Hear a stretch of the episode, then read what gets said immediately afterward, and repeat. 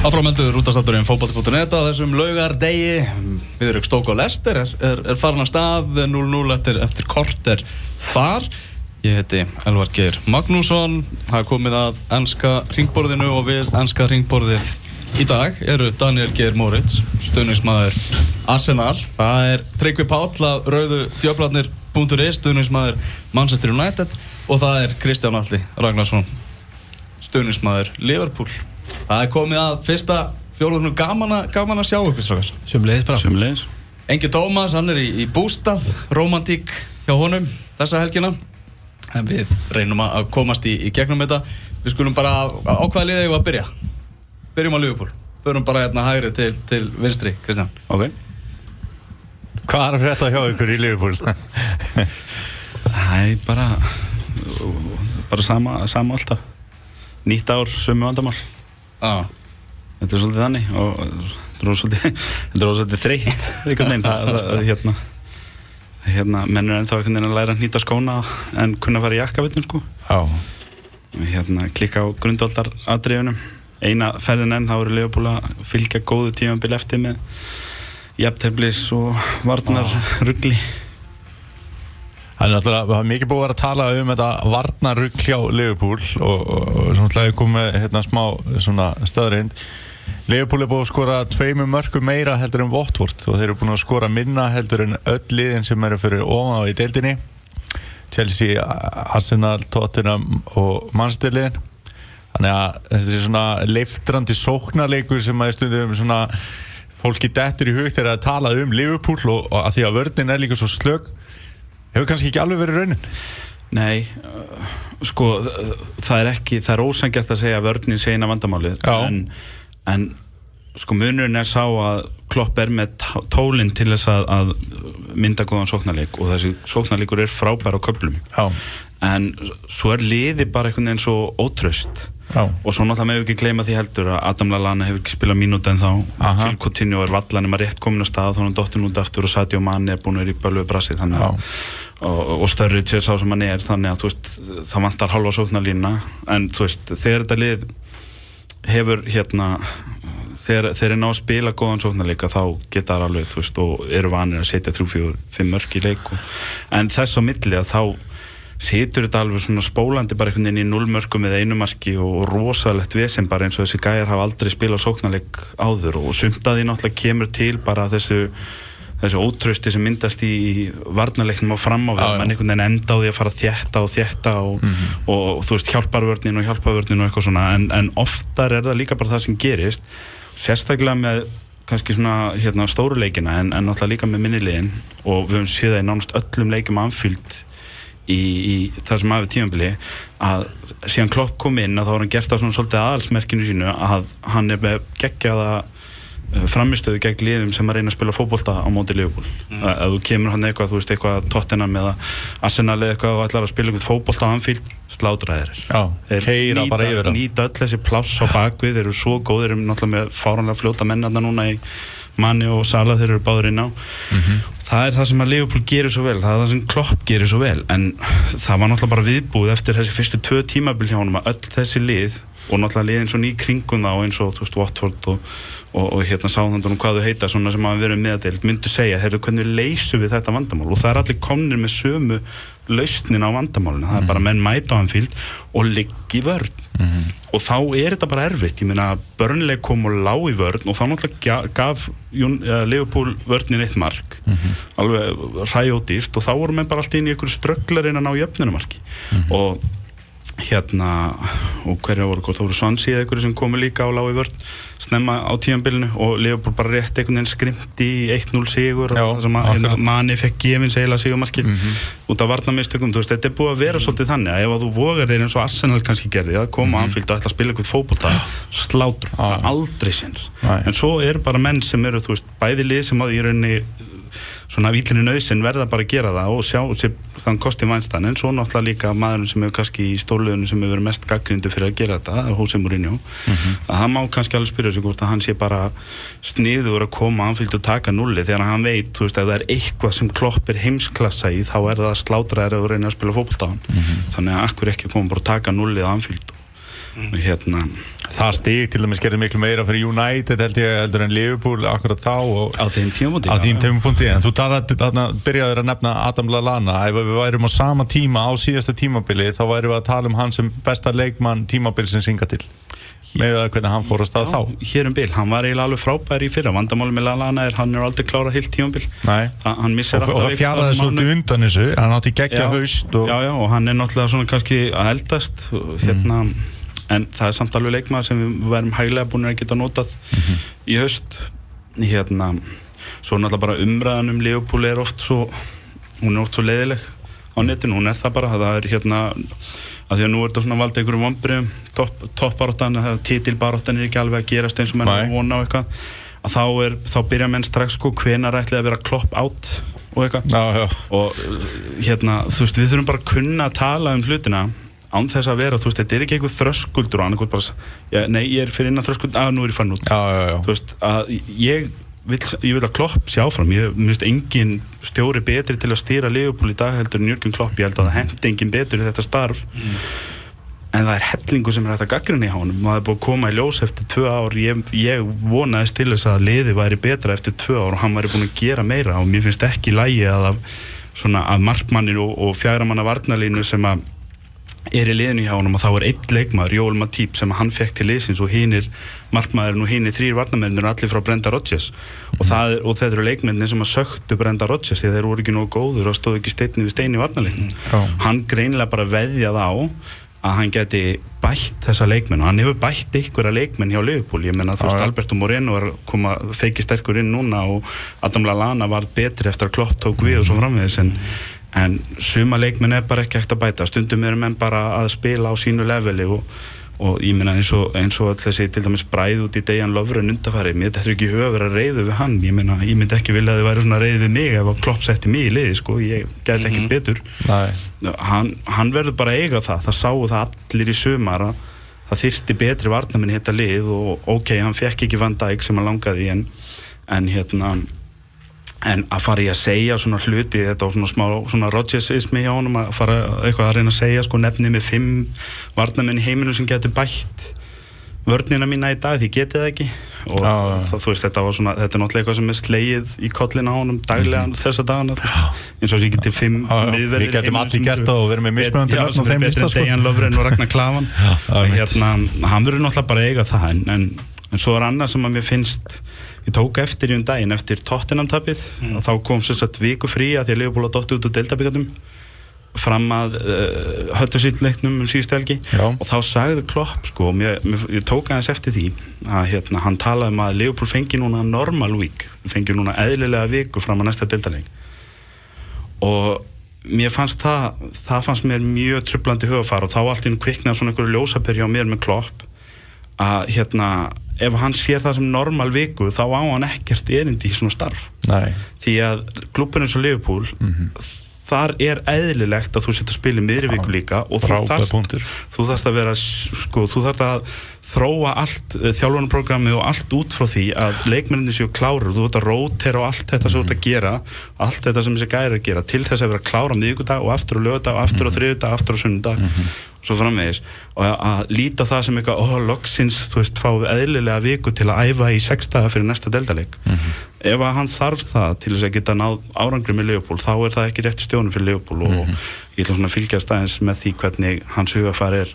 Því að það kom einhverjar frívikur væntalega á næstunni, Leopold náttúrulega er ekki deildabikar og, en, en hann er náttúrulega líka á fullu í meistardeldinni og ef að meistardeldinni er eitthvað sem fyr, er fyrir þjálfara hjá Leopold þá átti ekki að vera stjóri á Nei. Þannig eins og ég segi, þú veist, ég, ég er alveg á klopp inn vagninum ennþá, mér finnst það frábært þjálfari en hann er klálega með galla og þeir eru svona aðeins að koma í ljós svona þegar að, hvað ég var að segja, svona fræðar ljóminn fyrir ánum eftir eitt, eitt og halvt ár. Og nú er bara komið ljós hvort að hann getur lagað sig að þessum göllum, ég vil sá hann bara gera snjalla hluti í janúar hann er sennilega aldrei að fara að kaupa þrjá heimsklassa varnamenn og nýja markmann í janúar en nei. þú getur verið sniður þú getur Já. keift, þú veist, svona eitthvað stoppgaf, þú getur fengið svona Gary McAllister típuna, eitthvað svona sem Já, já, einhvern, einhvern ref sem að getur gefið þér eitthvað sem þú hefur ekki. Og ég vil sjá hvað hann gerir í janúar og hvað hann gerir næsta sumar. Að hann sé að sína okkur þá að hann hafi lært af þessu sumri. Að hann greinilega bara veðjað á þessa leikmenn. Hann gæti bætt á æfingasæðinu og það er ekki að gerast með varnamennina þá þurfum við bara að laga sig að því. Náttúrulega, svo sem að er kannski besti varnamæði Liverpool í sinni stöðu lítur að vera Nathaniel Klein. Hann lítur að vera svona bestir í sinni stöðu þegar hann er heil hann er líka búinn að vera út. Hann er náttúrulega, hefur ekki spilað mínúti en þá Nei. og ég veit ekki ég, kannski, kannski erum bakverðinni líka vandamáli þó svo að í rauninni held ég enginn myndi tala um að Joe Gomez og Trent Alexander Arnold hægra megin og Alberto Moreno vinstra megin hafa endilega verið vandamáli kannski er það samt þú þarft að byggja þetta á mönnum sem geta að tala saman og slíkt og þó svo kannski mm. Gómez líti aldrei endilega ítl út sem hægri bakurur að þá getur verið að það sé eitthvað í samvinnunum hjá honum og maður típi eða þú veist, maður veit það ekki en, en Nei, og þú ég, getur ég líka á kannski ekki komið með- þú getur líka hérna, kannski ekki komið með jafn mikil svona ekstra eins og hann hefur komið með í sóknarleikin bara bæði já, að já. Sáðantón og Liverpool. Menn kannski saknaðist þegar hann er farin núna Klein, Já, já. menn kannski vannmáttu svolítið hvað hann gefur okkur. Það er alltaf að tala um Klein hann sé svona gaur sem fær 7 einhvern af 10 í hverjum leik en hann er aldrei með 8 og 9 Já, og hérna, en ég veit ekki mér finnst það bara fínt og er alveg til fleiri varnamenn sem gefur mér alltaf 7 af hverjum 10 ekki leikmenn sem, að, já, já. ekki leikmenn sem fara nýri 2 af 10 Nei, nei. í 3 af hverjum leik. Tryggvi, hver er þín skoðun á, á vegferð Liverpool undir stjórn Klopp? Ég veist þetta er þetta frábær punktur sem Kristján ætlar að segja með þessa eðlu viku. Þessa eðlu vika að spila eitt leik á viku er bara eðlilegt hjá Vestbróns Albíðun Votford þetta er alltaf ekki það hugsa sem er ekki í bóði og kannski fyrir mér kristallast vandamál United, nei, Liverpool bara í því að, að, þeir eru að keppa í fjögulið sem er miklu miklu meiri pening sem geta stoppað í þessi göð sem þarf á til þess að geta spila þessa þrjáleikja viku allt tímabilið. Og svo er þið líka að keppa við Tottenham sem er kannski að keira á sama mótili og Liverpool en bara gera það miklu miklu betur. Þannig að það er erfitt fyrir þá að einhvern veginn að ná upp fyrir þessi lið sérstaklega með stjóra sem keiri liðin alltaf við sem að horfa á Liverpool og þeir hlaupa miklu meira en önnu lið þannig að þeir eru mjög þreyttir og, og kannski þess vegna sem hann er mjög sáttu að þurfa ekki að spila alltaf í mér í viku. Sérstaklega ef við horfum á hópin hann er kannski ekki sá sterkasti þó að séu náttúrulega frábær leikmenn inn á milli. Og sáðum það líka bara síðast tímbili þegar Liverpool var að spila frábælega fram á áramótum en svo leið og liðið fór að spila meira en lengi viku þá hrundi meira minna allt. Og það er náttúrulega bara ef þú ætlar að vera að keppa í to- toppi deildarna þá verður bara að geta ráðið við svona leikjaprogram. Það er bara þannig sko. Vindum okkur yfir í, í þína menn, Manchester United. Uh, Það er eiginlega að taka hann á fjórðungi það ekki bara og skipta honum eiginlega bara í, í, í tvent Það er þessi 4-0 kapli og síðan núna þegar, þegar rútan er mætt. Já, þetta er svona fyrir og eftir landslíkili Já, Það akkurat er endur oft þannig með United að þeir eru frekar dabrir eftir, eftir landslíkili Ég veit svo sem ekki ekkur það er en það verður gaman að vita meira um það. Mm En hver er, hver er skýringin á þessu?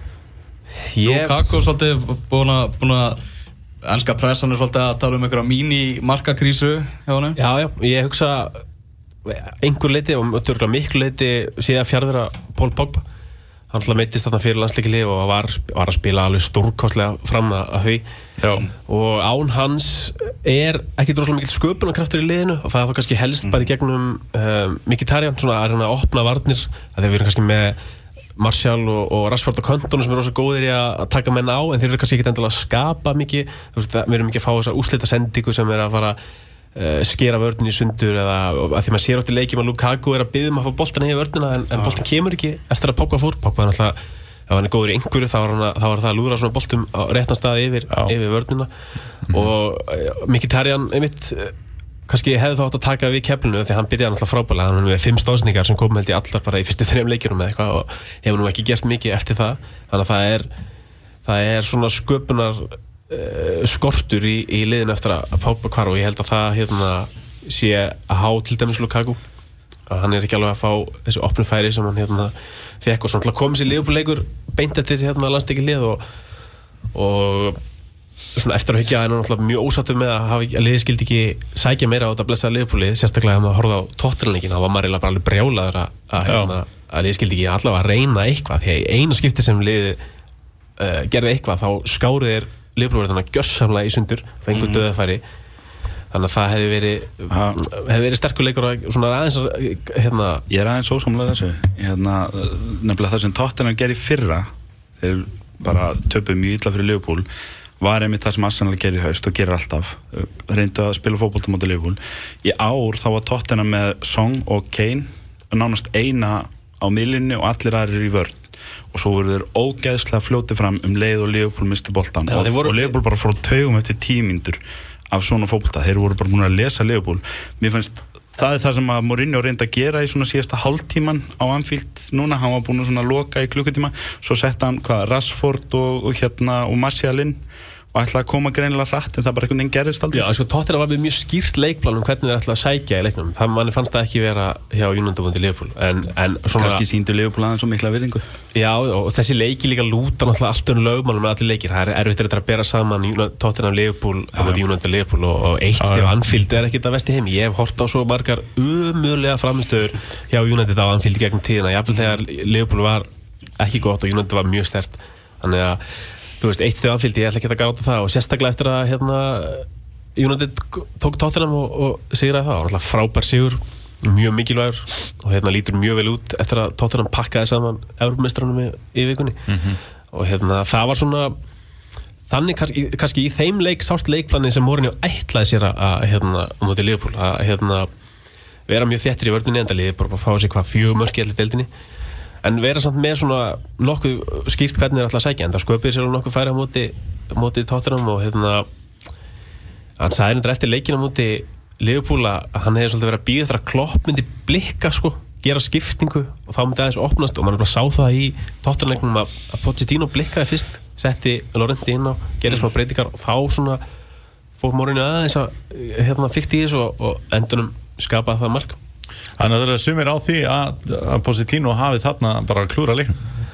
Já, í staðin fyrir að verða bara ekki stíðið á móti United. Akkurat, og þetta er kannski svona hugsunáttur sem uh, enginn kannski ekki, ekki þá sem eru meistara sko, að, þú veist stegi fyrir Tottenham og Old Trafford eru bara mjög fín úslit og, en kannski segja líka um, Pochettino að hann er hann er, hann tekur áhættu og á endanum gefur það fleiri stig að hann tapar til lengri tíma litið.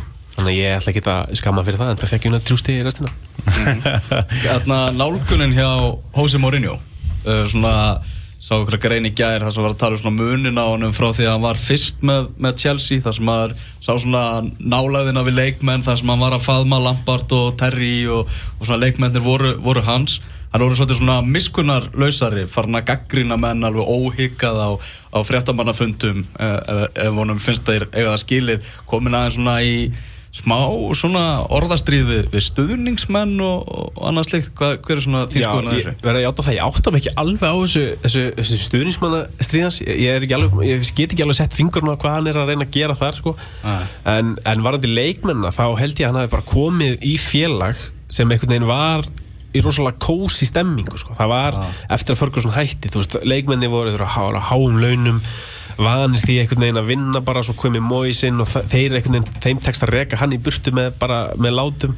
Þannig að þeir voru svolítið í svona valda stöðu innan klubsins Vangal, þú veist, hann reyndi að- að að gera eitthvað, tókst það ekki sérstaklega vel menn voru ósáttum með hann, hann er Mourinho held hann að komin og séð bara, herri, ég þarf að hérna þarf ég að ná völdum aftur sko. Og er að gera það, það sér maður líka það bara eins og til dæmis á móti, móti Benfica í vikunni að þeir fengu þetta víti, það setna vítið þá ætlaði Lukaku að taka það Andri er að koma, herri ég ætla að taka það. En þá er Mourinho að segja blinda og taka og það er bara, eru allt góð, gera það bara. Það var engin, var engin fúll eða neitt svo leiðis sem maður sá í fyrra þegar Mirallas brjálaðist að fekk ekki að taka víti á Evertón sko. Þannig að menn virða þannig að enn sem komið er er, er, er bara í fínlega í mínugna hann, leikmenni af því að hann hefur þessi völd sko. Mm, og það er búið líka þrátt fyrir að hann sé að, að, að drulla yfir leikmenn eða gaggrina hitt og þetta þá fá þeir annan sjans hjá honum ef þeir, ef þeir leggja sér fram? Já, þessi, flestir þessi leikmenn sem hafa fengið sinnskerra gaggrinni hafa náða einmitt vinna sig út úr því, kannski allir nema Shaw en við sáum í fyrra að Mkhitaryan og, og Martial fengu alveg mjög mikið skerfa af gaggrinni en þeir hafa komið sérstaklega tilbaka og Martial sérstaklega verið mjög góður á þessi tímabili. Þannig að þetta er að virka og- enn sem komið er og þú veist, það er rosalega erfitt að vera eitthvað ósátt við tímabilið United. Mm -hmm. að þeir liðið er í öðru seti hérna, spila mestuleiti ágætisbolta komið mjög öðvöldlega áfram í mestrarleitinni komið áfram í deildafikarnum þú veist, maður hefur ekkert yfir að kvarta. Það eina sem vandamál er að þetta tímbili og sitt er að skekja myndina, þeir eru bara anskoti góðir. Ég mingi ekki að Jose alltaf skal Pep Guardiola vera fyrir hún Já, það er, það er vitt Viktor Lindelöf förum aðeins í, í, í hann. Uh, hann náttúrulega já, hefur lítið spilað. Mourinho bara eitthvað þegar talað um að hann sé ekki tilbúin í svona þennan kraft sem er í, í ennsku úrvarsleitinni hefur þú trúið því að hann muni pluma sig hjá United? Verða jafnvel bara key player á næstunni? Sko ég ætla ekki að ég ætla ekki að afskrifa hann. Ég hef séð, maður hefur séð hann í hvað, kannski þrejum leikjum. Og sko ég held að United hafi lagt mjög miklu að vinna í að skoða þennan leikmann vegna þess að það var mikið talað um að það myndi koma í janúar á síðast tímbili þannig að menn hafa þá verið búin að skoða hann í allavega eitt ár en hann kemur. Já. og og kaupa hann á háa upphæð Já, já, og þetta er bara mikið traust á þennan mann. Já, maður veit það líka sko að öll þessi lið eru mjög mikið í Portugal að að skáta leikmenn og eru á öllum leikjum þar. Þannig að þú veist, þeir, þeir hafa vita mjög mikið um þennan leikmann þegar hann kemur. Þannig ég ætla að svona leiða mér að trúa því að þeir hafi séð eitthvað í honum sko.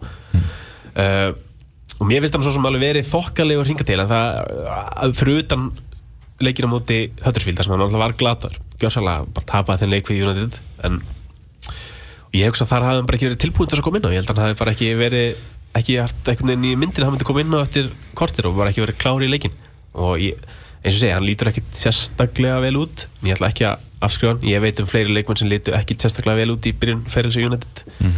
Og stóðu sér bara mjög vel þegar uppi var staði þannig að við skulum bara gefa hann aðeins meira tíma, með, tíma en, en, en þessa þrjá fjóru leiki sem hann hefur hérna fengið Aðeins svo í- er það kannski eitt upp á það, spurning hvort að þessi leikmenn geti fengið þann tíma eins og staðan er í dag í fótboltarna að, þú veist, þetta er ekkert eins og gamla dag það er, þú veist, ef eitthvað stendur illa þá er, er, er rífin í tætlur á samfélagsmiðlunum, svo taka fjölmiðlarnir við með, það því þeir þurfa að skrifa endalasta frétt um alla sólarringin, þannig að þú veist, það er svo mikið uh, hérna, nálar, nei, sjónarhóttið er svo þröngt á þessa leikmenn.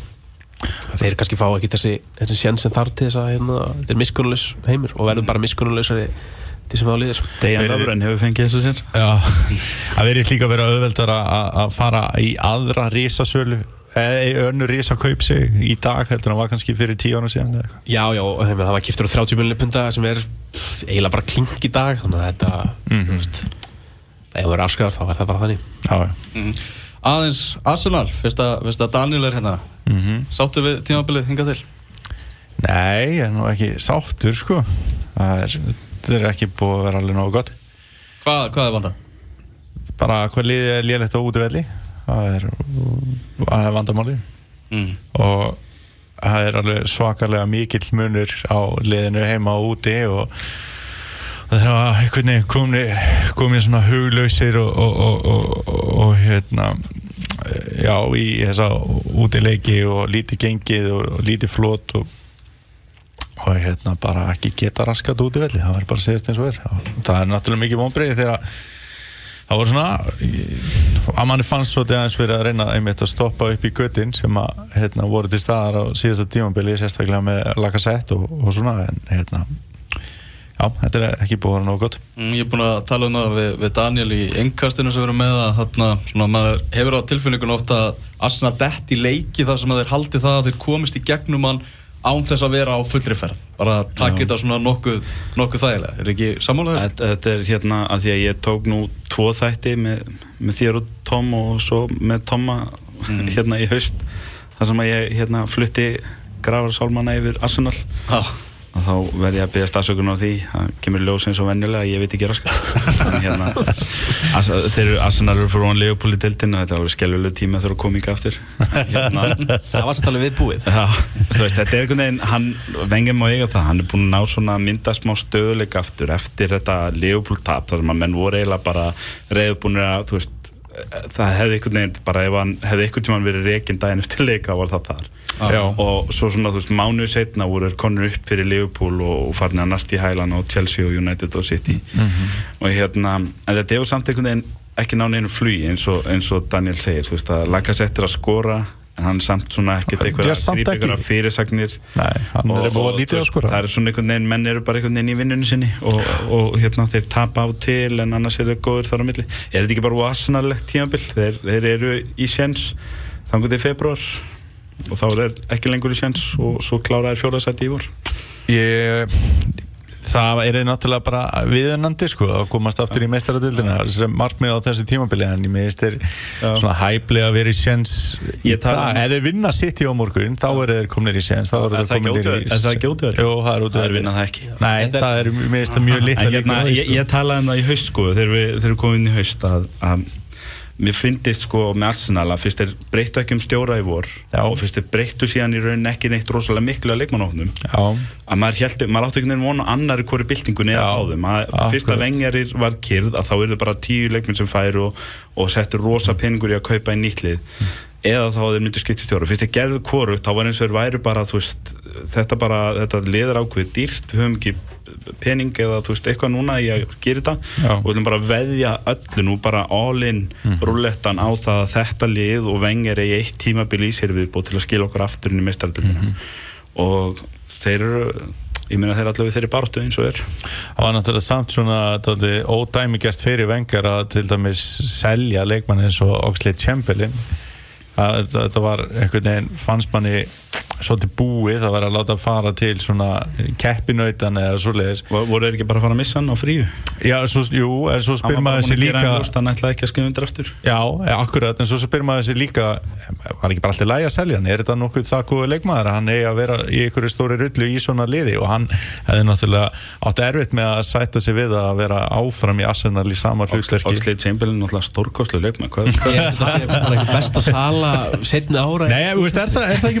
Að það fengur, 40 Tím- miljónir fyrir það? Já, já. 40 tími mun dæma þá spyr maður sér bara með lítur út leikmenn eins sem og svo Ramsey og Volkot og Wilser og, fleiri sem hafa verið svona gríða, vengar hefur gríðarlega hlýðhollur þessum leikmennu sem hafa eh, því miður ekki gefið liðinu alveg nógu mikið og, og hérna ég talaði nú eh, einhvern tíman í, í ganni um það ef að Aron Ramsey hérna, kæmi, hefði komið upp hjá Manchester United þá hétt hann Darren Gibson og hérna en hann er náttúrulega öllu betri samt sko en skiljið samt hvað ég er að fara sko. Þannig að þá var maður svona að spáði að hvort það þyrfti að taka einmitt aðeins meira til í þessu til þess að koma með eitthvað nýtt og fest já, en ég síðan Ég, það er langt síðan þessi hreinsun að þetta fara fram sko. Já. Við Kristján allir er búin að vera komin það í nokkur ára að tala okkar um Arsenal snýst einhvern veginn alltaf það sama þetta er svona Já. sama gamla það þið er bara í ykkur fari endar í fjórumsætinu frábært það er rosa flott en menn, það er náttúrulega ekkert, mark, ekkert viðmið þegar Arsenal að enda í fjórumsætinu Nei. liðið á náttúrulega bara að sækja þessum titli og Ekki spurning. til þess þarf vengar bara að fara það þarf að reyns út ansi marga af þessum leikmönnum Já. Og ég, maður er bara svolítið þreyttur á að hlusta alltaf já það er rosa flott að ná þessu fjórumsæti það er bara ekkert rosa flott. Það Nei. er rosa flott eða þú ert búin að vera eitthvað ströggli það er ekki rosa flott eða þú ert- búin að gera 16 tímbil í röð. Nei, akkurat og hérna einmitt, þetta hefur verið Groundhog Day að halda með Arsenal þannig að maður var tóltið svona ég var, ég var ánægð með það að, koma allt í hennu bara hérna, aðeins öðris í kapli í bókina í vor, mér fannst bara allt í lagi að missa af þessu mistaradelta sæti núna. Ég sá það alls ekki sem einhvern heimsendi og held þá einmitt að þá myndi skapast einhver svona tími, minni pressa á liðinu inn í hérna, tímabili eitthvað annað í gangi. Ok, vengar áfram þú veist, hann er náttúrulega bara, verður alltaf hetja þarna þó að hérna, þetta hef ekki gengið sem skildi síðustu ár. Þarf hann þó ekki einmitt að fá meira, ok hann kaupir þarna, fær þarna kóla sína nokkuð snemma sem að er bara frábær leikmaður, hann er alltaf algjörlega frábær. Og svo er Lacazette keftur þarna og hellinspenning, svo gerist það ekkert meira. Maður er alltaf að býða eftir góða miðverðinum eða, eða kemur eitthvað djúpur inn á miðjuna og, og, og kokklín sé ekki næstur inn sem backup og eitthvað svona. Þannig að Já, í vandamáli er líka bara ekkert endilega leikmenni sem koma inn eða leikmenni sem er fyrir eru. Það er bara, þú veist, þjálfunar að fyrir hjá vengar og taktik Já. sem hann stillir upp og, og þessi svona, þessi hugafar sem hann kemur með til Arsenal. Já, já, það, Hann það eru leikmenn. Já, þetta er bara, veist, það er hann en ekki hópurinn, sko. Það eru leikmenn sem, að sem að hérna, þú veist eins og kannski Theo Walcott sem getur sagt allir saman hvað þjálfa Arsenal, ég held að hann mun aldrei gefa þér meir en hann er að gefa þér. En það er alveg pottjett leikmenn í þessu liði sem að ég held að aðrir þjálfara getur náð meir út úr. Já, og þegar oft farin að hugsa þannig þá, þá er komin tíma á breytingar og það er náttúrulega eins og Tryggvi segir við erum búin að vera að koma í nokkur ár og það er lengur komin tíma á þessar breytingar Já, og ég held að kannski stemmingin hjá leikmannhófnu í Arsenal sé bara að þetta er kósi og þægilegt bara, Já. við erum alltaf hérna og við þurfum ekkert að gera meira og fáum okkur pening og erum bara sáttir sko. Ég hugsa að það sé að einhver leiti einhver leiti hugsunaháttunum þar og hefur verið þar síðustu ára þá þarf bara að fá einhvern til þess að sparkira svona um og, og, og kveiki þeim á ný Hva, hver er svona ykkar pælinga með til dæmis bara leikmanni sem er svo dösil? Ég hugsa að hann þurfi bara rétt að stjóran einhvern veginn til þess að, til þess að svona ná öll útrunum. Uh, hann var frábær hjá Real Madrid undir stjórn Jose Mourinho og það er hérna kapli í æfisögunni hjá Özil held ég alveg röglega frekar en Mourinho þar sem hann ræðir um samband þeirra og þeir eru mjög samband þeirra er, hefur verið mjög náið kannski ekki skrítið að sé var að tala um að Özil sé farið í United. Nei. en Mourinho öskraði á hann í leikjum og í hálfleik. Bara, þú veist, þú voru að drullast þess að gera eitthvað, því er ekkert að þvæla eitt leikmann og hætta og hann var mjög erfið við hann en náði samt mjög miklu fram eh, náði úr honum og ég hugsa að það þurfi bara einhvern veginn svolítið þannig stjóra og, og, og rétt leikkerfi og hann kannski kemur þá hann inn í þessar kósi menningu Arsenal hugsaðar, heyrðu það er rosa flott ef ég næði að skora eitt flott mark og leggja upp fullt af mörgum og svo það er ekki gerð neitt meira. En hann er náttúrulega frábær leikmann hann sér það bara á öllum stóðsendingunum og færinu sem hann skapar sko. en þú veist, það er erfitt að hafa eitt svona leikmann sem er sleppur við erfið. Mér, mér finnst líka bara svo skríti hérna, þegar Bayern München tekur Arsenal í karphúsið í vor.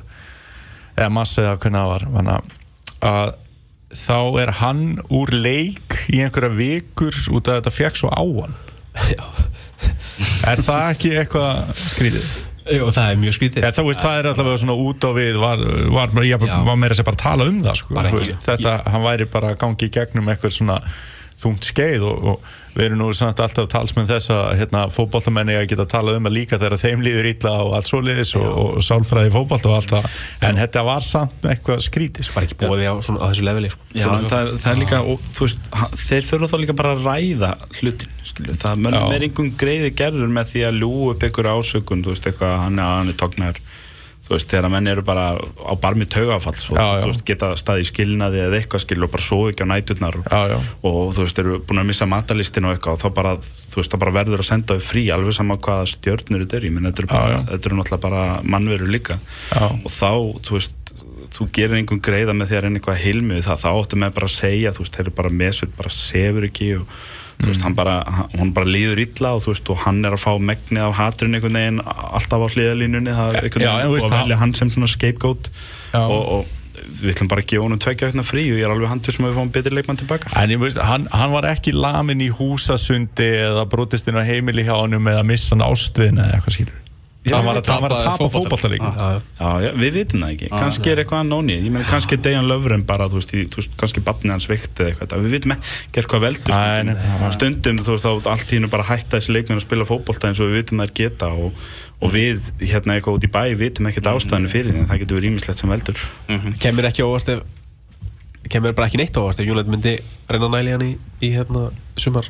Nei, bara þegar út af hversu nánir þeir morinni eru og, og, og hann náttúrulega kemur með þennan sköpnukraft sem ég talaði um á skorti að einhverju leiti hjá Júnætt á hann, hann getur að tekið lestina með Alexis Sanchez upp til Manchester Já, það er að góða líkur á því Það er að gera það. Heyri, það er að þetta í hálfleik í hátisleiknum Stók 1, Lester 1. Þar er búið að vera dómaraskipti vegna meðsla og ég veit ekki hvað og hvað. Í borra kom Lester yfir en Sertan Shaqiri jafnaði. Dómarar eru líka menn Dómarar eru Já, líka menn.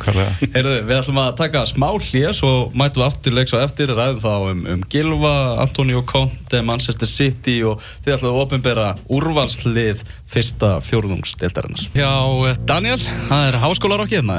Green Day með lagi Basket Case sem er náttúrulega bara algjör negla í þessu háskóla eh, þessum háskóla rock heimi Algjörlega Ha. Algjörlega, heyrðu, við ætlum að halda áfram með, með ennska ringborðið, sittum hérna og, og Daniel Moritz Kristján Alli og Tryggvi Páll Strákar, þið voru fengnir í það hlutverk að- velja hérna úrvalslið fyrsta fjórðungsdeildarinnar Tryggvi, ég ætla að byrja á þér Já, viltu byrja á liðinu eða hvað? Já, taktu, taktu úrvalsliðið bara hefjum leiki í markinu Já, ég tók stránkæðilt 4-4-2 Ok Já, kekja já. David G. er í markinu bara, hann er besti markmaðurinn í þessar deild, hann er besti markmaðurinn í heiminum. Ertu að meina markmaðurinn sem hefur ekki fengið á sig eitt einasta mark á heimavelli vetur? Já, búin að fá Mikill mörg skandall. og Vitið þið hver skoraði síðast á, á móti DG á Aldravart? vá hvað þetta er góð spurning. Gilvi Það var Gilvi Aha. Ég sá, sá þetta með þetta, þetta Twitter. það þarf einhvern kraftarkumann eins og hann til þess að komast fram hjá DG Hviti undir þetta, besti markmaður í heimi? Já, Já, í dag, já, er það ekki bara? er ekki náður fótbrotinn, það er svo eini sem ætti séns Jú, Tom Heaton er dottin út þarna hjá Burnley en en með minn maður sko En jú, hérna, er það ekki bara?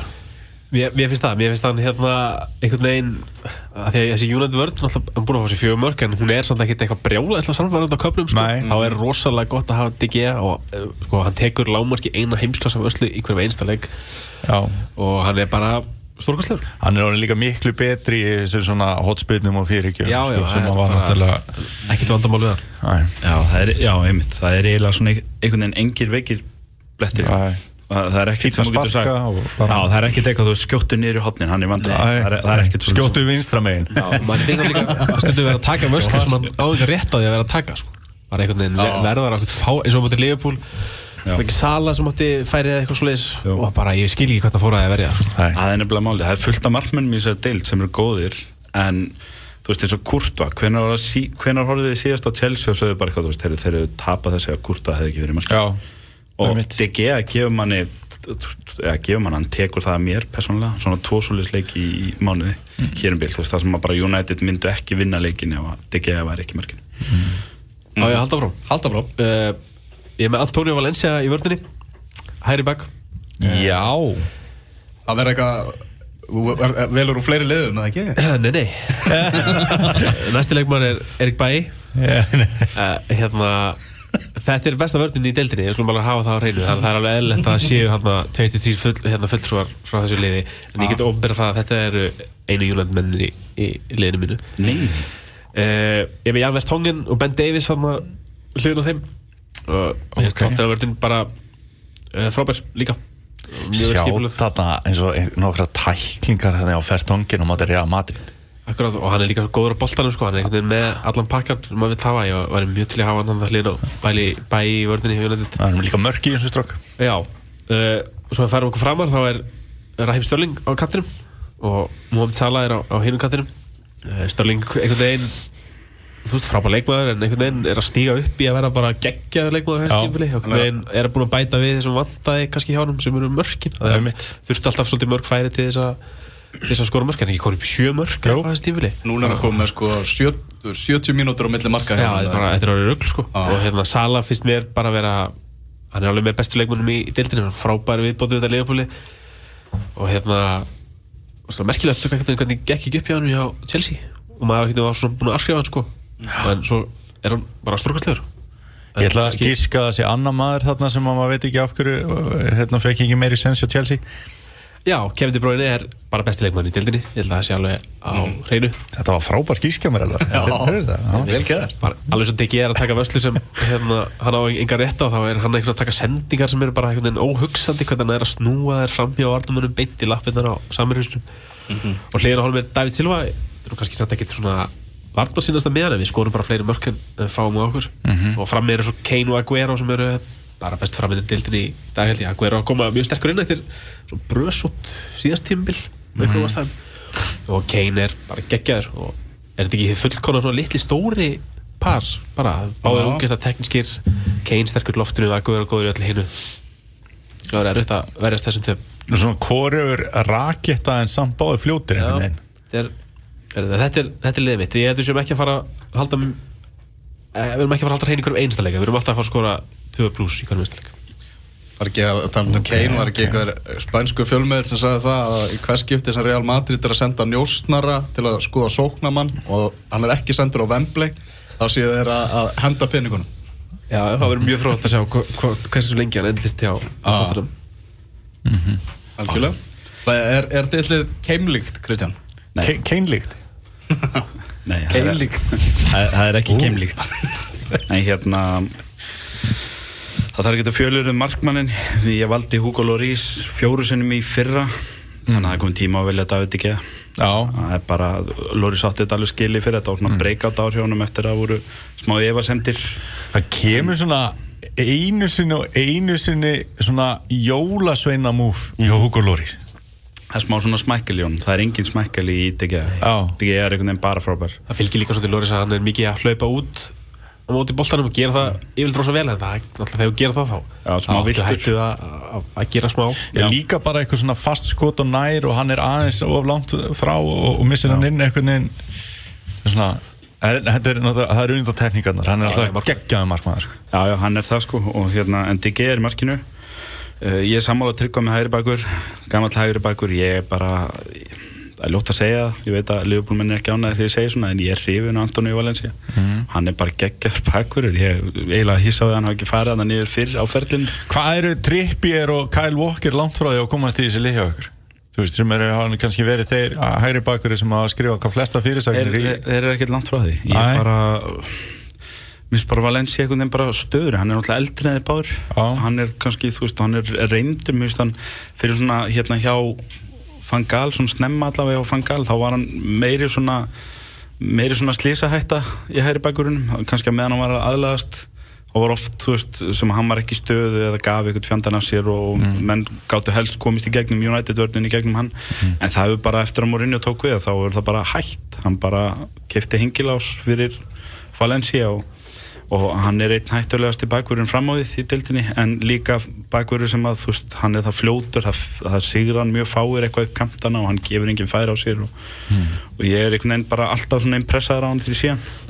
En du- um, Ég var aðeins samt aðeins að sko, tryggvi hérna, fyrirgjafa Valencia hann lítur nú stundum að fara svolítið í töðunar að þér Já, svo, svo það sé nú skjálfest, þá er ég ekki testaklega hrifin af Valencia Já. Ég væri til að vera með miklu, miklu betri hæri bakverð Já. en, en hann er rosa stöðugur og Já. ég vildi bara ekki vera með ennið sitt í leikmannin ég Nei. hef frekar marga í liðinu og sko, ég hef Ég nefni þarna eins og Trippier og Kyle Walker Já, ég að- frekar á Valencia í mínu liður sko, Kyle Walker ef ég er með einhver Já. gráhár ángríns Já, ef ég er með einhver gráhár Ok. þá eru þau öll út af því fyrirgjöfum frá Valencia þegar hann er komin í einhverja frábæra stöðu gerir bara eitthvað Já. Þannig að uh, þú veist, ég var mjög til í aðeins betri hægri bakverð en hann er samt, hann er eins og klein hann er svona kannski Svo leiðilegur. 7-5 leikmaður. Tryggvið út svo leðilegur, ég reyna að rósa United manni hérna og ég má ekki eins og. Já, það, er bara þín skoð Þetta er alltaf, ég skal bara hætta að rósa United manni í lofti Þetta, ef, þú veist, ef þetta er takklæti sem ég fæði það jú, en hann er, hann er fín en það er hægt að gera betur. Ok, í vörnin er ég með uh, Nikolás Otamendi sem að ég er búin að horfa svolítið á City í haust og ég, að því ég er svona smá Napoli klubb við erum búin að horfa á, ég þess að fórnaði mistæðilega hjá Liverpool sem voru neitt ekkert spennandi þess vegna gæti fórnaði Ah. og ég er búin að horfa á Napoli núna þjarma mikið að City í tveimur leikjum. Og Mhm. Otamendi er bara geðu ykkur, hann er bara að stígu upp einhvern veginn. Já og í fjárveru kompani þá er hann allt í norðin svona eh, gamli hausinn sem að stýri John Stones og er að gera John Stones betur líka. Og hann er bara frábær.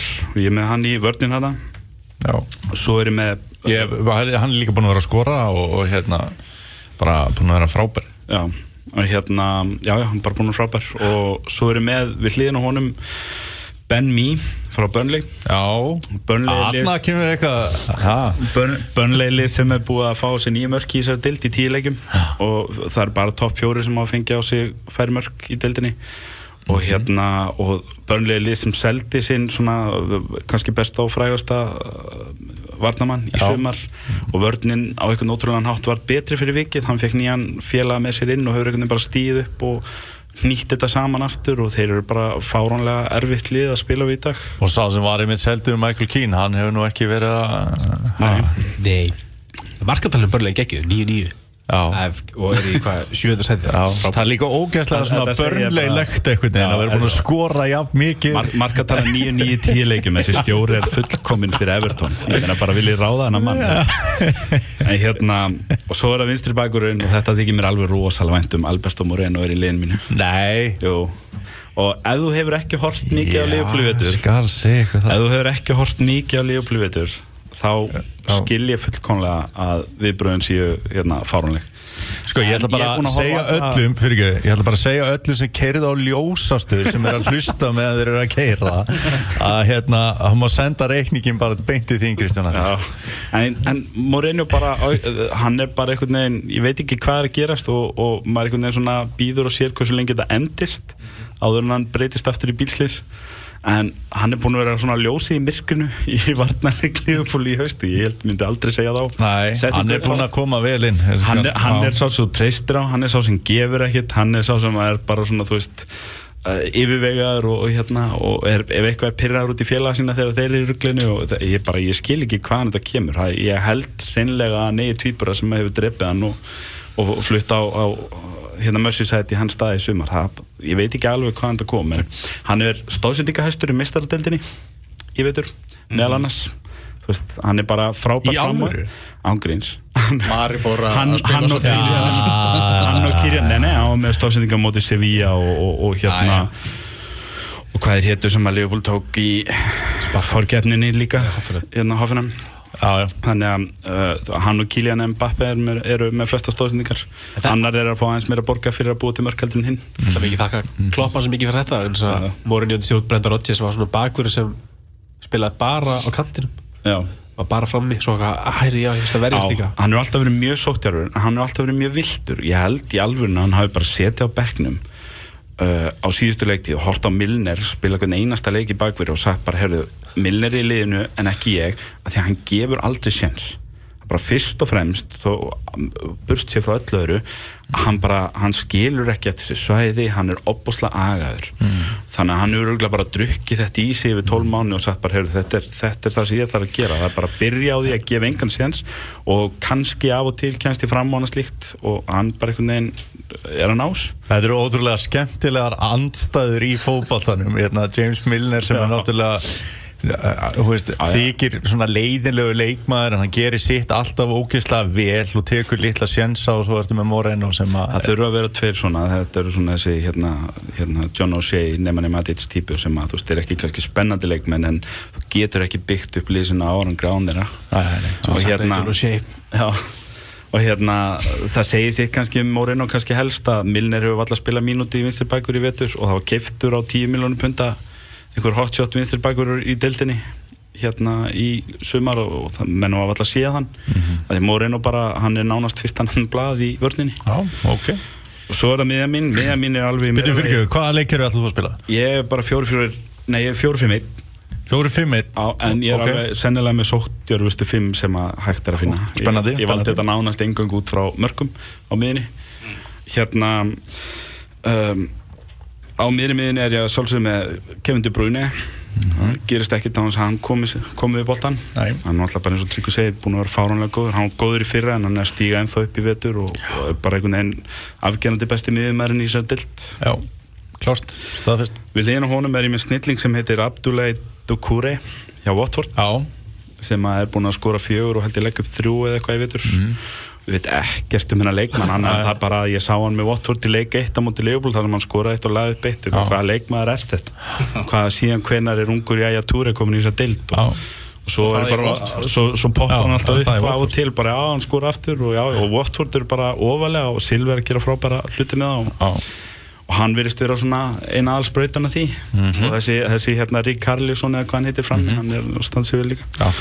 Og og við hlýðum á honum er annar snillingur sem heitir Pascal Gross Já, og hann leikur fyrir einhver hann leikur fyrir Eða Brighton Nei, hann leikur fyrir Brighton, já. Tryggvi.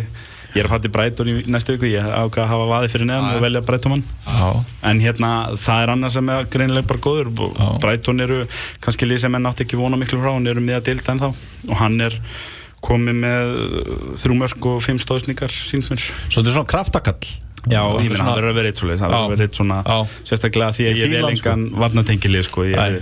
ákvað að hafa ekki svona einhvern Matic eða Fernandinho í mínu lið og hérna, þá verður að vera einn eða tveir svona sem geta axlað menna eins út fyrir hliðalínu. Aha. Og svo er ég þar á vangjunum og hérna fyrsti mára blað þar hjá mér var Leroy Sane hann er, hann er með þú veist sjömörk og sex stóðsendingar eða eitthvað, hann er Já. búin að vera alveg geggjaður. Leikmaður sem að var næstu því hann var mjög nálægt í að koma til Leopold áður en að í rauninu sko hvort að það gerðist í svona janúar, februar að það var gengið frá því að Guardiola tæki við City og þá stoppa allt bara hjá Leopold það bara allt í einu var Sane bara ekki lengur íhuga Leopold og þú veist tveimur mánuði setna var búið staðfestandi City. Þannig að menn sá alveg hvað kom úr mm. þíska boltan og sagði bara þetta er, bara leik, þetta er leikmann nummer eitt sem ég tek með mér Já. yfir um deild og það er engin það er ekki ástæðuleysu, hann er bara geggjaði leikmaður, ég sé mikið eftir hann og á hinum kantinum átti ég mikill í svona krísu að því að Ræm Stölling er búin að vera frábær. En ég verði að velja Mohamed Salah. Bara, bara svo ég er heimangengt á meða Leopoldmanna verði að velja hann, hann er náttúrulega bara búin að vera frábær og ég, hann er búin að vera það góður í, svona, í fjárveru manni og Coutinho og ég veit ekki hvar Leopold í rauninni væri akkurat núna ánans ef hann væri ekki, hefði ekki byrjað svona rosalega vel. Hann er konið tíu mörg nú þegar á, á tímabilinu. Maður stefnir í þú veist 20 pluss mörg af kantinum á fyrsta tímabili. Þannig að það er bara frábært og hérna En þú vilt ekki að hann taki vítin í þessu liði eða hvað? Nei, nei. Nei, Látum einhvern annan ég, ég, ég, Setjum einhvern annan í það bara. Ell eftir maðurinn er náttúrulega svo sem tekur vítin í þessu lið, það er Harry Kane. Já. hann er frammi, ég er með fimm svo sóttjarfa á baku þannig að Harry Kane er þar fyrir aftan. Mhm. og hérna Harry Kane er bara ég fór að hugsa þetta sko því ég var aðeins að pæli hvort ég ætti að Lukaku með honum eða hvort ég ætti að setja Aguero eða hafa bara eitt frammeri eða hvað ég ætti að gera. Ég náttúrulega hefði geta alveg sett Lukaku og Aguero í lið. Já. ég hugsaði með mér að Harry Kane er sennilega, ef þú hugsaður hann þannig hann er sennilega eini strækjarinn í deildinni sem að myndi bæta United liðið eða sem myndi bæta City liðið eins góðir og Lukaku Aguero og Gabriel Jesus eru. Og hann Hann bæta sé bara betri heldur en þeir hann er allir. bara betri, hann er bara Ég með þessa deild í er sammála hann er þessu. 25-30 marka maður og tímabili bara eins lengi og hann nennir þessu á tóttunum Já, hann skorar aldrei í ágúst en sem betur verið þá vorum við ekki að velja eftir fyrstu þrjá umferðunar, við erum að velja líka umferðir fjögur til tíu. Og hann er, þú veist, hvað sett hann fjórar þrennur í september og þú veist, menn er að taka Real Madrid og eitthvað svona sko og svo um leið og hann hverfur úr liðinu og tapaðir fyrir United. Og lætur sem vant eitt leik. Þetta er bara eins mikið líkilmaður og þú getur fundið í deildinni. Og að mínum að til besti leikmaðurinn fyrstu tíu umferðunar þráttur hafa ekki byrjað í rauninni að mæti vinnuna fyrir henni í fjórðumferð hann er bara bestur í þessari deild. Ég get alveg valið til bruna líka en, eins og tryggveðin en ég ætla að velja Kane. Já. Hann er með fyrirlega bandið og hann tekur vítin. Og ef Hodson væri að þjála þá tækja hann hotnin líka. Nei, það er Phil Jones. Já. Þannig að þú velur Kane besta leikmann fyrsta fjórðungstildarinn já, Ok. Og Tryggvi? Já, eins og ég sagði hann á hérna er De Bruyne. Hann er bara besti leikmaðurinn í besta liðinu og bara er bara stórkastlegur á alla kanta og stígur upp þegar á þarf að halda og er geggjar á mútið litlu, litlu liðunum þegar liðir að valta yfir það og bara hann er geggjar og er bara eiginlega uppáðsleikmaður minni í þess að deilt, hann spilir fyrir uh, hérna hvað eru margir hvað eru margir svona leikmenn samt? Og þú veist við erum með hann og Sala í liðinu hvað eru margir Chelsea leikmenn þarna úti sem að Chelsea gaf stóð snemma á upp á eða, Ah. eða leikmenn sem að fóru flatta og þjálfara skiptum hjá Chelsea og þá allt í hennu var ekki þörf fyrir á lengur. Hvað svo margir svona gæjar? Ah. hefur ykkur tekið bara svona eins og úrvalslið fyrir ég held ég að við séð eitthvað mann fyrir, fyrir vetur. Það er sem getur bara unni eitthvað. Þetta er líka sko leikmannstarfn Chelsea í síðustu hvað, 7-8 árin er bara að safna leikmannum sko. það er ekkert að, að kannski ekki allir allir meikið það þó að sé náttúrulega mjög skrítið Já, að en, en þetta eru samt eins og með Sala og, og hérna og, og De Bruyne, þetta er ekki leikmenn sem voru lánaði til Hollands eða eitthvað skilur á þannig fóru annað og slóðu gegn.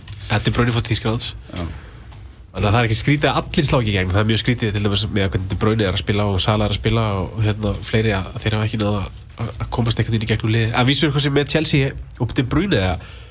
sló ég eitthvað í brínu millir hans og Courtois? Var ekki eitthvað svona eitthvað kærustu vesen á milli þeirra og eitthvað? Og ég held að Mourinho hafi bara kannski valið Courtois frekar en De Bruyne á stíma þegar Courtois var alltaf geggjar okay. líkilmaður í þessu liði.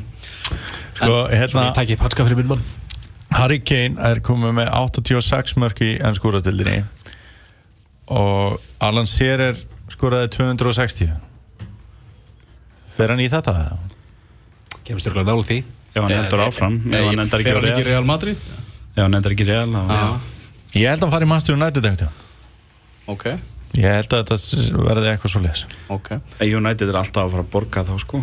Já, já það er ekki mörglega sem eða Real hreinlega líka ég meira við erum fyrst já. Neymar náttúrulega breytti samtalenu en við erum allavega alltaf að tala um einhverjum 150 pluss þá.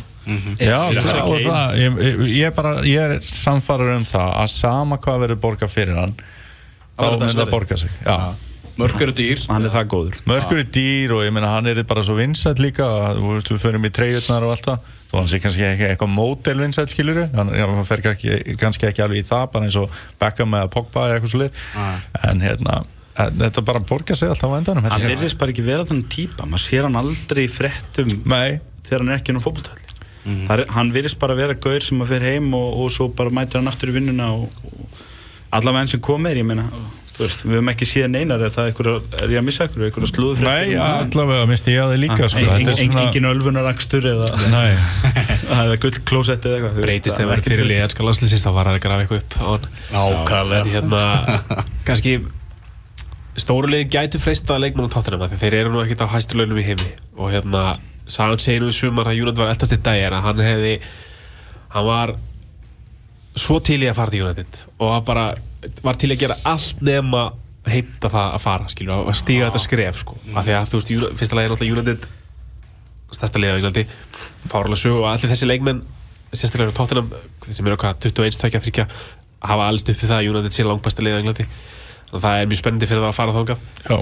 Og United getur bóðið miklu, miklu hærri laun en þeir munu nokk til að fá hjá tóttunum þannig að ég hugsa að þessi freistandi en, Já, ég held að það er eftir að gera sko. en það hins vegar er líka mjög freistandi fyrir að vera áfram hjá tóttunum sérstaklega Pochettino ver, Pochettino verður áfram. Þetta er náttúrulega frábært lið sem hann er að skapa. Og Og eru að fara á nýja geggjaðan leik Já, já, ég Þeir eru bara svona að steppa þeir þurfa svona, þeir ná að veðra þennan storm sem er að fara að koma núna næstu tveim tímbil þar sem stórulegin er að fara að reyna að pikka þetta liðið sundur. Þá er eitthvað stórkoslegt í farvegin Sko, ég held að, Harry Kane er 24 ára og ég, ég held að eftir svona tvö ár þá komi svona spurningin þú veist, hvað, hvað vil ég hafa afreika eftir tíu ár? Ef að, ef að Tottenham er ekki búið að vinna eftir tvö ár potið tvarin Já, þetta tóttunlega nefnilega þarf, þarf að fara að vinna eitthvað. Það er ekkit merkilegt að lenda í öðru sæti ár eftir ár eftir ár. Þú verður að sapna þessum titlum sko. Nei, og hvað þá að lenda í þriðja sæti í tveggjaliða kaplöpi eins og þið gerðu einmitt. og þess að finnst mér svolítið skrítið hvað Pochettino er til dæmis alveg saman deildabyggarn ég hugsa að það væri bara mjög gott fyrir tóttunum að vinna deildabyggarn eitt ári sko. Já, komast á bræðið og hérna já, einmitt svona ég segi við, við vinnum félagum sem er mikill tóttunum aður sko. það er hérna bara það man ekki eftir liðin svo lett í öðru sæti þú verður að vinna eitthvað. Æ, nei, það er allir þannig. Eru þau mestu vombriðin í fyrsta fjórðungi hansku úrvarsleitarinnar Tryggvið, þú byrjar. Það er alltaf bara Evertón og, og, og Gilvi sko, bara einhvern veginn saman. Þetta er, uh, maður bjóst við einhverju miklu meira, það var svolítið spenningur í kringum Evertón hérna, fyrir sumarið, þú veist, þeir voru að kaupa leikmenn og hérna Gilvi kom og einhvern veginn, það var bjart, bjart yfir þeim og Mourinho sagði bara þetta lið sem að fara í meistradeitina svo bara gengur ekki neitt og hérna, kannski svona þegar maður þeir að pæla í þessu leikmannaköpum þeirra þá, þú veist, þeir keftu Pickford frá eh, hérna, Sönderland Gilva frá hérna, Swansea Michael Keane frá Burnley fyrir hvað samanlega 110-20 miljonir þetta eru all leikmenn sem voru í liðin sem voru að berjast í fallbarðun eða, fjallu sko. er þetta það, það sem þarf til þess að styrkja lið þó við sjálfsög vitum hvað, hvað Gilvi er, er frábær og hérna mér finnst bara svo skrítið fyrir, eins og Evertón að eða 45 miljonum punta sem er kannski ekki eitthvað brjálaslega peningur dag en fyrir Evertón er það fárlega há upphæð og gera þann leikmann ekki aða leikmanni nummer eitt sem allt er byggt á í kringum það er finnst mér mjög undarlegt nú og ég hugsa ég hugsa að það er náttúrulega einn leikmann sem komið vekk fyrir það, það er þetta Veinúni ég held að Ronald Koeman hefði ekki ein, einast áhuga að fá Veinúni til Evertón þetta var svona tilfinningir í, kaup hjá, hjá stjórninni og við sem höfum hort mjög mikið United undanfarnar við veitum það að Veinúni var ekki í klassa topp 10 lið klassa í þessari deild á síðasta tímabili. Hann spila nákvæmlega það sem Gilvi vil spila. Þú veist þá hann eða frammi þá er hann alltaf hann veginn fyrir honum og gallið við Veinúni er samt sá að hann einhvern veginn nær alltaf að skora eitt mark sem kannski tryggir sigurinn á svona kannski fjöruleikja fresti. Þannig að hugsa að hann er kannski ekki svo hann er kannski ekki alveg búið með það. Hann er, hann er kannski eitthvað til í honum sko. Finnst þér hann alveg bara bara alveg rosalega lélugur í, þessu, þú veist? Gilvi? Nei, Rúni Já, þú veist, er Hann hann, bara alveg bara, er hann bara algjör dragbítur á þessu Já, bara, auðvitað bara passar ekki inn í inn í, inn í hann hóp. Ef það ætlar að nota Gilva sem eitthvað, eitthvað svona, svona saman hlutur ekki að spila hjá Swansea og ætlar svona með Gilva frammi þá ertur henni ekki mennið frammi þú ert bara með tvo leikmenn að spila tíu. Já, já. Og hann er, bara fyrir hvort öðrum hann hann og passar svo þeir eru hann. alveg að garga á svona einhvern sterkan fljótan frammeira sem hann alltaf voru með í Lukaku það er, þú veist, það sem vantar. Þú veist, Rúni er bara kvörgt og þú veist, hann, þeir eru með svona fljóta kantmenn í kringu sig þarna Lennon og þessa ungu stráka. Gilvi, hérna með góða sendingar þegar ef að, þú veist, ef þeir væri eitthvað tíma með mann sem horfði á íslenska landslið og sett hann á miðina og hérna leiði hann að stjórna spilinu hjá þessu liði en þá, þá ertu bara með kolranga mann fyrir framann ef þú ætlar að stilla upp eðurtóni eins og við kannski myndum vilja stilla upp með gilva í þú veist tíunni og flóta kampmenn og, já. og duglega menn í kringum hann og Lukaku fyrir framann hann, guð mig góður. Já. en taktu Lukaku út og settu Wayne Rooney inn í staðin og þá ertu bara með vandamál. Það er bara segir allt að segja þar um En Wayne svo Rooney náttúrulega spyr maður sem veist taktu Lukaku út og settu Oliver Giroud í staðin Já. sem að var hérna, mikið reynd settu Fernando Llorente í, í staðin þú veist það Við, ef við horfum á Feril Gilva þá hérna Wilfred Boni Já, þá bara er mynd þetta svarta hvítu að hann hefur staðið sér best þegar hann hefur eitthvað svona lurk frammi til þess að miða á Já. sendingunum og líka lurk sem tekur til sín hann að skafast pláss fyrir Gilva það ef þú liðið bara einhvern veginn sama samla leikmenn sem vilja spila á miðinni, þeir eru ekki með neitt fljóta kantmenn þeir eru með fullt á svona krúsitúlugörum sem vilja vera með boltan Já, og bara þetta leikmennhópur passar ekki, ekki saman á einhvern einn- einasta hátt. Stókn rétt búið að skora hérna hjá okkur en svo er samt þessi svona besti leikmaði þeirra eh, sem á að vera þessi fljóti kantmaður hefur ekki spilað mínútu í ansi marga mánuði hann Jannik Bolasi sem Nei, var náttúrulega keftur á háa uppæð fyrir síðasta tímabil. Akkurat, það alltaf hjálpar ekki að hérna, hann er búin að vera meittur það ekki? Þannig að það, það hjálpar ekki neitt. Hann var búin að vera mittur þegar kiftan Já. en já, ok. Já, já, hann reyn- reyndi að spila aðeins og lendi síðan í ömurlega meðslum en hins vegar hérna uh, með Everton, ég meina ég, maður reyndi að segja þetta í sögumar skilur ángríns, ekki bara á einhvern rík sem Leopold, þetta er náttúrulega bara maður þekkir þetta Everton-lið, það eru ekki fjöndirnir og annað, þeir finna alltaf leiðir til að vera, vera bara í tíundasæti og þe- þú veist, alltaf þegar þú veist á tíu ára fresti þá lítur þetta voða vel út allt í þeim. Og það finna leiði til að klúra þessu. Þess vegna er þau kallaði Neverton af, af mér hljópar þetta lýsa Leopold Já, það, já, Liverpool er í, á við sama vandamálstrið en bara svona skur Everton. það er- þeir finna alltaf einhvern veginn leið til að klúra titli baratu eða þeir eru mjög dollu en Everton finnur alltaf leið til að klúra þeir eru farnir að sjá topp fjóra í sjómálinu eða eitthvað sko. En við höfum svolítið verið að ta tala um til dæmis eins og að út af varnarleik Liverpool að þá hefur kannski ekki verið nógu mikið talað um að sóknin hafi ekki alveg verið að gera sitt standast væntingar. Og þá getur við kannski snúið þess aðeins við með Everton það búið að vera að tala mjög mikið um hvað sóknin er léleg þar og hvað menn er að hlaupa fyrir hvern annan. Þessi þryggja hafsenda lína Everton með hérna, Jaki Elka, Williams og Keane hún hefur verið eitthvað það ömurlegasta varnarafbreyði sem að lið sem ætla sér eitthvað hluti hefur bóðið upp á í mörg ár. Já, svo ég tali bara í fyrirsögnum Akkurat, ég held ég að horta kannski þrjá, fjóra eftirleiki á tímbilinu og í hverjum einasta leik hafa þær gert einhver sko absúrt varnarmistök bara eitthvað fáráleg einhvern veginn engin með á nótunum og Mhm. engin að fylgjast með og þetta lið er svona sem spila sem einstaklingar, þetta er ekki að spila sem lið og Nei. neitt það er enginn að taka ábyrð, það er enginn að taka skarið í þessari varnarlínu, þeir eru einhvern veginn það nála þetta er allt Já, já, en hérna, ég væri til í að sjá Williams bara á bekknum og vera með Jaki Elka og Kín svo það hljóta að vera besta besti möguleikin þeirra þannig aftast Leighton Baines er nú líklega svona komast á endastöðu og þessi Martína þetta sem var í Southampton virðist bara ekki Já. geta neitt, það var nú svona alltaf í alltaf var að meiðast. en hérna Holgate hefur náttúrulega ekki Já. verið góður Svo- Það hægt að tellja ansi Og Coleman búin að leikja frá og svo er þið með Morgan Snædilin sem hefur bara, hann er örugglega bara verið eiginlega lélæsti leikmann hjá þeim á þessu tímpili og með rannsóknir með að Júnand hefði keift hann svona eftir á að higgja, hann er. Já. Er það hátæðisleikurinn í anska boltanum stók var náttúrulega að skora áðan en, en það var varið frá þeim? Þannig að Lester skoraði bara í staðin Riyad Mahrez og, og Lester er, er yfir í, í þeimleik Mestu vonbreiðin Kristján Alli? Ég, ég meina við, ég verð að taka undir þetta. Ah. bara Everton og Gilvi, hérna, við erum búin að ræða um það, ég get kannski gefið svona hliðavelun á Frank de Boer svo, svo tilraun að fá Frank de Boer til Englands hún fór, hún fór inn sýtla hægt er. Hvað, endist hann, fjóra eða fimm leiki skoruð ekki mark, farinn? Eiginlega þegar þú sagðir þetta, maður var bara svona já, alveg rétt, hann var þarna. Það er svo langt síðan hann var reikin Það er svo langt síðan hann var rekinn og þetta var svo ógeðslega lélegt. ég man þegar að, sko, þegar Leopold rak Rodgers og þetta voru alveg svona fjóri-fimm dagar þar sem að þú veist, það var svona áður en það var ljóst svona mjög snemma, eða þú veist, þegar leið á vikuna að klokk væri maðurinn að þá var mikið verið að rökra og þá voru þrýr í degluna, þá voru Frank de Boer og Carlo Ancelotti og hérna og, og Jörgen Klopp. Og hérna ég man að við vorum með podcast á Kopp.is við tókum tvö podcast þá í vikunni og vorum að rökra þetta og svo var maður náttúrulega að ræða þetta við alla sem að þú veist höfðu skoðuna og svo að, hvað sem að kom og fólk skipti svolítið í svona fylkingar það var svona eins og kannski tveir að hverjum fimm vildu Klopp, tveir að hverjum fimm vildu Ancelotti og einn að hverjum fimm vildu De Boer. Já. og ég var einn af þessum fimm. Þannig þið sjá það, ég veit, ég skil ekki en það hverju þið eru að bjóða mér hérna, ég hef alveg brjála að vita á þessu. Ég man þegar við vorum að ræða Áriða djöfnum vorum að ræða mögulega artaka Mois, minni mig þá, þá var Dibor alveg klálega einn Já. af þeim sem við tókum sérstaklega fyrir. Það var náttúrulega þá, eins og með Klopp, þá var hann búinn að vera að gera rosa góða hluti í Hollandi áður en hann fór svo klúrað öllu í Já, Inter. ég hugsa hlutabreinu honum séu hann sér látt skriður já, ég held að meira, meira frambóð á honum en eftirspurt er bara svona hollenski skólinn í nútskundin eitthvað þeim bara að deyja út Já.